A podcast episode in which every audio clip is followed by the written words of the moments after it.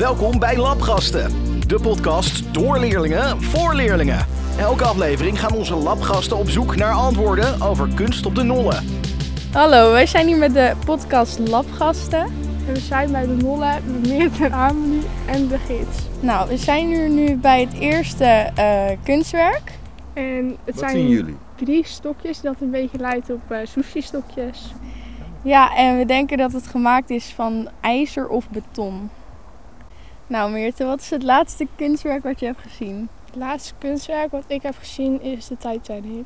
Oké, kan je daar nog wat meer over vertellen? Nou, het is een eh, film uit, eh, ik weet niet welk jaar. En het gaat over dat eh, een boot die zijn eerste vaart maakte en uiteindelijk gezonken was.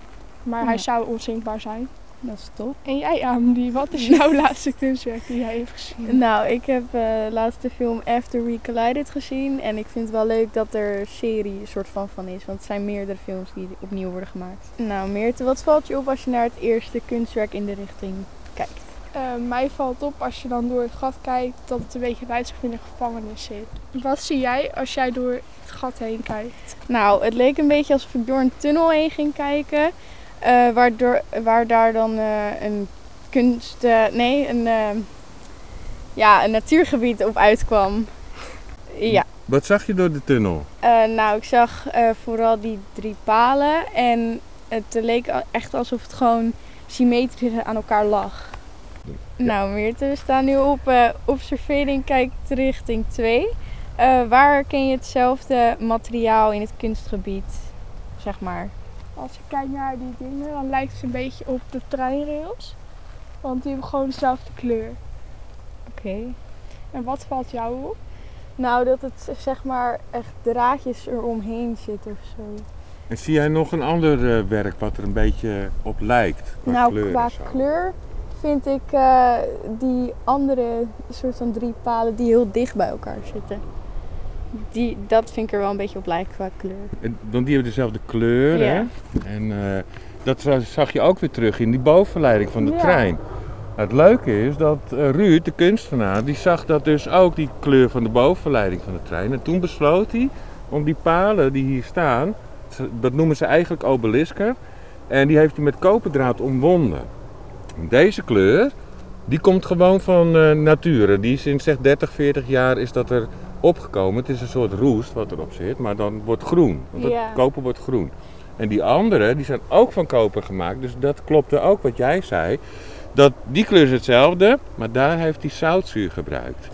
Om die kleur te krijgen. Ja. En dat is net een beetje als wat je ziet op kerktorens, die, die spitsen. Dat duurt er 200 jaar om die kleur te krijgen. Dus hij heeft het versneld. Oh. Zo. Wat vind je daarvan? Nou, ik vind het best wel knap hoe hij dat allemaal heeft eh, ontworpen en ook bedacht heeft. Want ik denk dat niet iemand zo er zomaar op komt. Nee, hartstikke goed. Zie je nog iets eh, bijzonders hier zo? Ja, Wat- zei je daar? schaduw. Ja, de lange schaduw, hè? Nou, dat is natuurlijk niet elke dag zo. De ene keer is een wolk voor de zon, dan zijn die schaduwen er niet. Zou die ze misschien om die reden hier geplaatst hebben, denk je? Dat zou wel kunnen, ja. Denk ik Dat het ook midden in zeg maar, het gebied staat en er staat niet veel bomen voor. Nee, Dus ja. kan Het het staat heel open in het open vlak. ja. En weten jullie wat een zonnewijzer is? Eh, Ehm, mm. Nou, niet echt. nee. Nee? nou, voordat ze klokken bedachten, hadden ze zonnewijzers. En dan gebruikten ze ook dit soort lange schaduwen. En dan konden ze daar aan zien hoe laat het ongeveer was. Oh. Dus- Zie je ook nog een verschil tussen de, ah, eh, tussen de drie?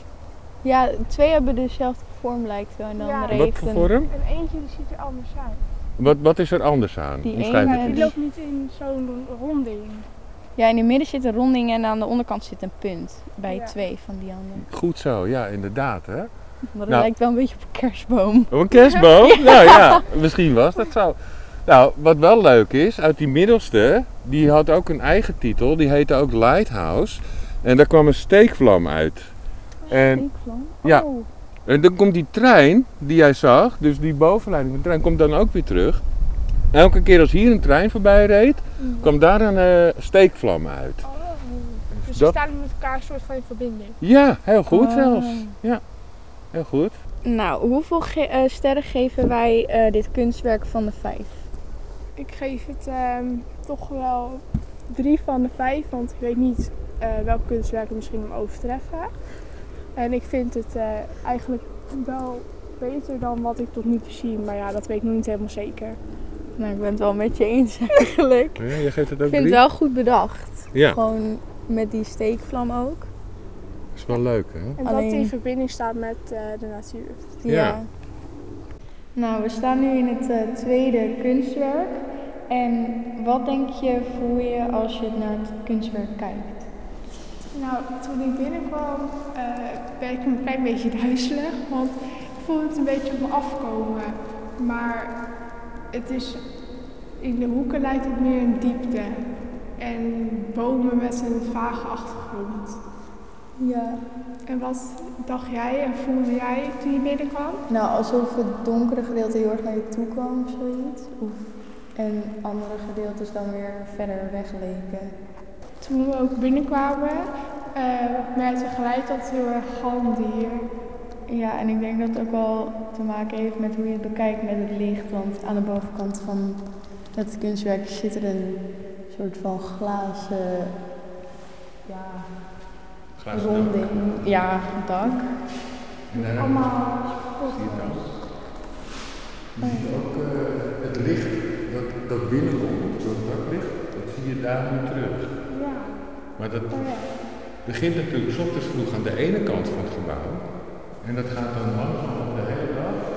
En dan gaat het aan de andere kant van het gebouw er weer uit. Ja, dus het ligt er heel erg aan wanneer op welk tijdstip je En komt. komt het Ja. ook in bepaalde hoeken zo elke keer? Nou, eigenlijk alleen maar aan deze kant. En daarom heeft hij aan de andere kant heeft hij die gaatjes. Oh, ja. En daar zijn we zo meteen vertellen. Nou, welke kleuren denk je dat hier zijn gebruikt? Ehm, wij zien donkerblauw, lichtblauw, wit en een beetje zwart. En hoe eh, is hier geschilderd? Nou, ik denk wel met, we denken wel met kwasten ongeveer. Misschien nog wat anders dan kwasten. Heeft u nog wat anders gebruikt, denk je? Of krielverf of olieverf? Dat vind ik een hele goeie. Het is olieverf inderdaad. En eh, wat denk je dat de geschiedenis van de ruimte is? Ik denk dat er vroeger sterrenwacht is geweest vanwege de koepel. Vanwege de koepel. En ja, dat daar dan gewoon sterren werden onderzocht en zo. Ja, nou, ik weet dat van mijn vader, dat het hier vroeger een vuilstort was. En dat hij het toen helemaal heeft omgebouwd tot een kunstwerkengebied en zo. Nou, ik vind de sterrenwacht wat je zei een heel mooi antwoord. Dat was het niet. Het was hier eh, in de tijd dus dat het de vuilste was, maar in de Tweede Wereldoorlog is in het hele gebied van de Nonnen, daar zijn bunkers gebouwd. En we staan nu in een bunker, maar hij heeft het dak eraf gehaald, toen de koepel eromheen geplaatst en dan schilderslinnen tegen tegen de wand aan. En dat is beschilderd in één kleur eigenlijk. Alleen maar de kleur ultramarijn blauw. Dus dat hele donkere wat je hier ziet, eh, is gewoon heel erg veel blauw. En dat steeds iets lichter, dus de witte kleur is de ondergrond. En die strepen die we zien, dat heeft hij met zijn vingers gedaan. Als je goed kijkt kun je op sommige plekken ook vijf streepjes naast elkaar zien. Nou, meneer de Gids, hoe heet dit uh, kunstwerk? Nou, de naam van het werk is Ether. En dat betekent hogere lucht, fijnere lucht. Dat is ook een oude Griekse god.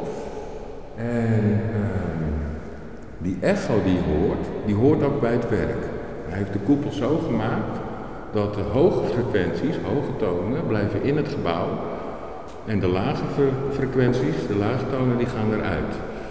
Die, die gaten in het plafond, daar komt dus die sterrenwacht die jij eerder zei, wel een beetje naar voren. Als je heel goed heb je hier zo de kleine weer en daaronder de grote weer.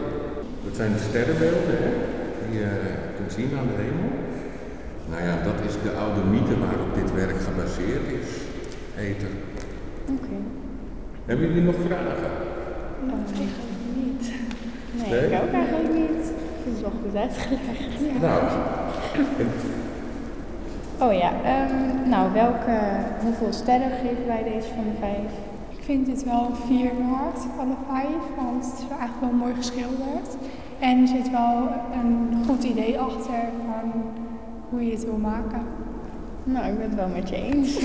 Ja, ook vier sterren. Ja, het is wel eh, hoe je het ook van een bunker naar een eh, koepel heeft gemaakt. Dat Ja, vind ik wel goed bedacht. leuk. Wij staan nu bij onze gids en eh, aan de gids gaan wij vragen stellen die we eigenlijk aan de kunstenaar wilden vragen. Hier Nou- komt de eerste vraag. Ja, nou, ehm, waarom wilde eh, de kunstenaar eigenlijk niet wereldwijd beroemd worden? Nou, ehm Ruud die had makkelijk inderdaad wereldberoemd kunnen worden. Hij ging met alle grote kunstenaars om uit zijn tijd.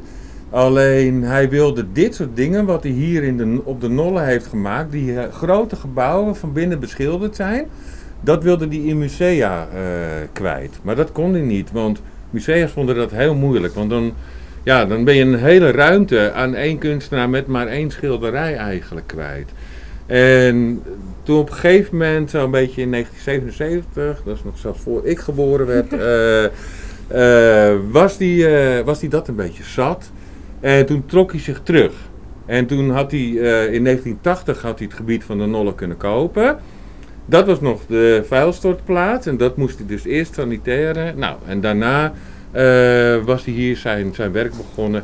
Hij trok zich lekker terug, had geen behoefte meer aan eh, rijkdom of roem. Hij had natuurlijk wel geld nodig om dit te kunnen maken, dus hij maakte grote sculpturen, grote beelden voor buiten den helder. Die vind je langs snelwegen of bijvoorbeeld in eh, de plenaire zaal van de Tweede Kamer. Die hele grote schilderijen. En dat geld gebruikte hij dan weer om dit te kunnen bouwen. Nou, dat vind ik best wel eh, Een goed slim antwoord. bedacht. Ja. Ja, ook dat. Ja. De tweede vraag die we hadden was: ehm, hoe is de kunstenaar op het idee gekomen om het hier te gaan maken en zo? Nou, hij is geboren in Huisduinen, het dorpje hè, in de gemeente. En vlak daarbij, dat weten jullie misschien ook wel, heb je Fort Kijkduin en al de, de Kroontjesbunker en al dat soort plekken. Daar, hij woonde daar in de omgeving. En hij zag dat soort plekken dus ja, elke dag. En het, eh, dit kon hij als gebied waar hij als kind ook speelde. Want kinderen speelden hier ook. En toen hij de kunstacademie ging doen, wist hij eigenlijk al wel dat hij dat soort grote dingen als wat hij hier heeft gemaakt, dat hij dat graag wilde doen. Dus eh, toen in 1980 de gemeente zei van, nou, we verkopen het aan eh, Ruud, is hij dus hier zo zijn dingen be- eh, begonnen. Beantwoordt het je vraag een beetje? Ja. Jawel? Ja. Oh, gelukkig. Nou, waar, ik heb nog een vraag. Waar zijn zijn ideeën vandaan gekomen? Eh, wij hebben, wat we zelf denken is dat hij een beetje de natuur gebruikte als inspiratiebron. En dan kan je ook zien in die drie pilaren die we eerder besproken hebben. En daarbij zie je de natuur bij het treinspoor. En de treinspoorkleuren zie je ook weer terug in dat beeld. Dus wij denken wel de natuur. Ja, jij denkt dat ook? Ja, ik ook wel. En ook die andere drie palen die heel dicht bij elkaar stonden, die leken heel erg op bladbladen of zo. Ja. Nou, dat klopt ook wel een beetje. Ehm, er zijn heel veel kunstenaars die koper of kortenstaal gebruiken, omdat het makkelijk bewerkbaar is en het eh beschadigt niet heel, heel eh, snel. En ja, jullie hebben eigenlijk het juiste antwoord al gegeven. Het was de natuur zelf vooral die hij eh, uitkoos om mooie werken van te maken. Veel kunstenaars uit zijn tijd die hadden strakkere vormen. En hij koos voor wat ze noemen de organische vormen. Eh, dat het net iets natuurlijks lijkt, zoals die drie palen bij elkaar. Dat, eh, vol lepels. ja, die op lepels lijken. Ja, Ja, eh, dat lijkt ook net een beetje ja, alsof het eeuwenoud gras is of zo. Of dat het eh, iets natuurlijks is. Zij- De natuur was vooral zijn inspiratie. wij zijn nu bij de drie kunstwerken geweest. En we hebben daar de antwoorden beantwoord. de vragen beantwoord. Vragen wel. Ja. Vond je het een beetje leuk hier? Ja, Ja. we vonden het wel leuk om alles te kijken. Ja? En eh, we hebben wel nieuwe dingen geleerd. Dit wist ik helemaal niet dat het hier was. Ja, ik Heel heb ook heel veel nieuwe dingen geleerd. Nou, en voor de luisteraars, bedankt voor het luisteren naar onze podcast. En dit was eh, het Labgast podca- podcast. Hè? Ja. Heel goed. Bedankt voor het luisteren naar weer een aflevering van Labgasten. Waar leerlingen niet alleen over kunst praten, maar ook met kunst. Tot de volgende Labgast.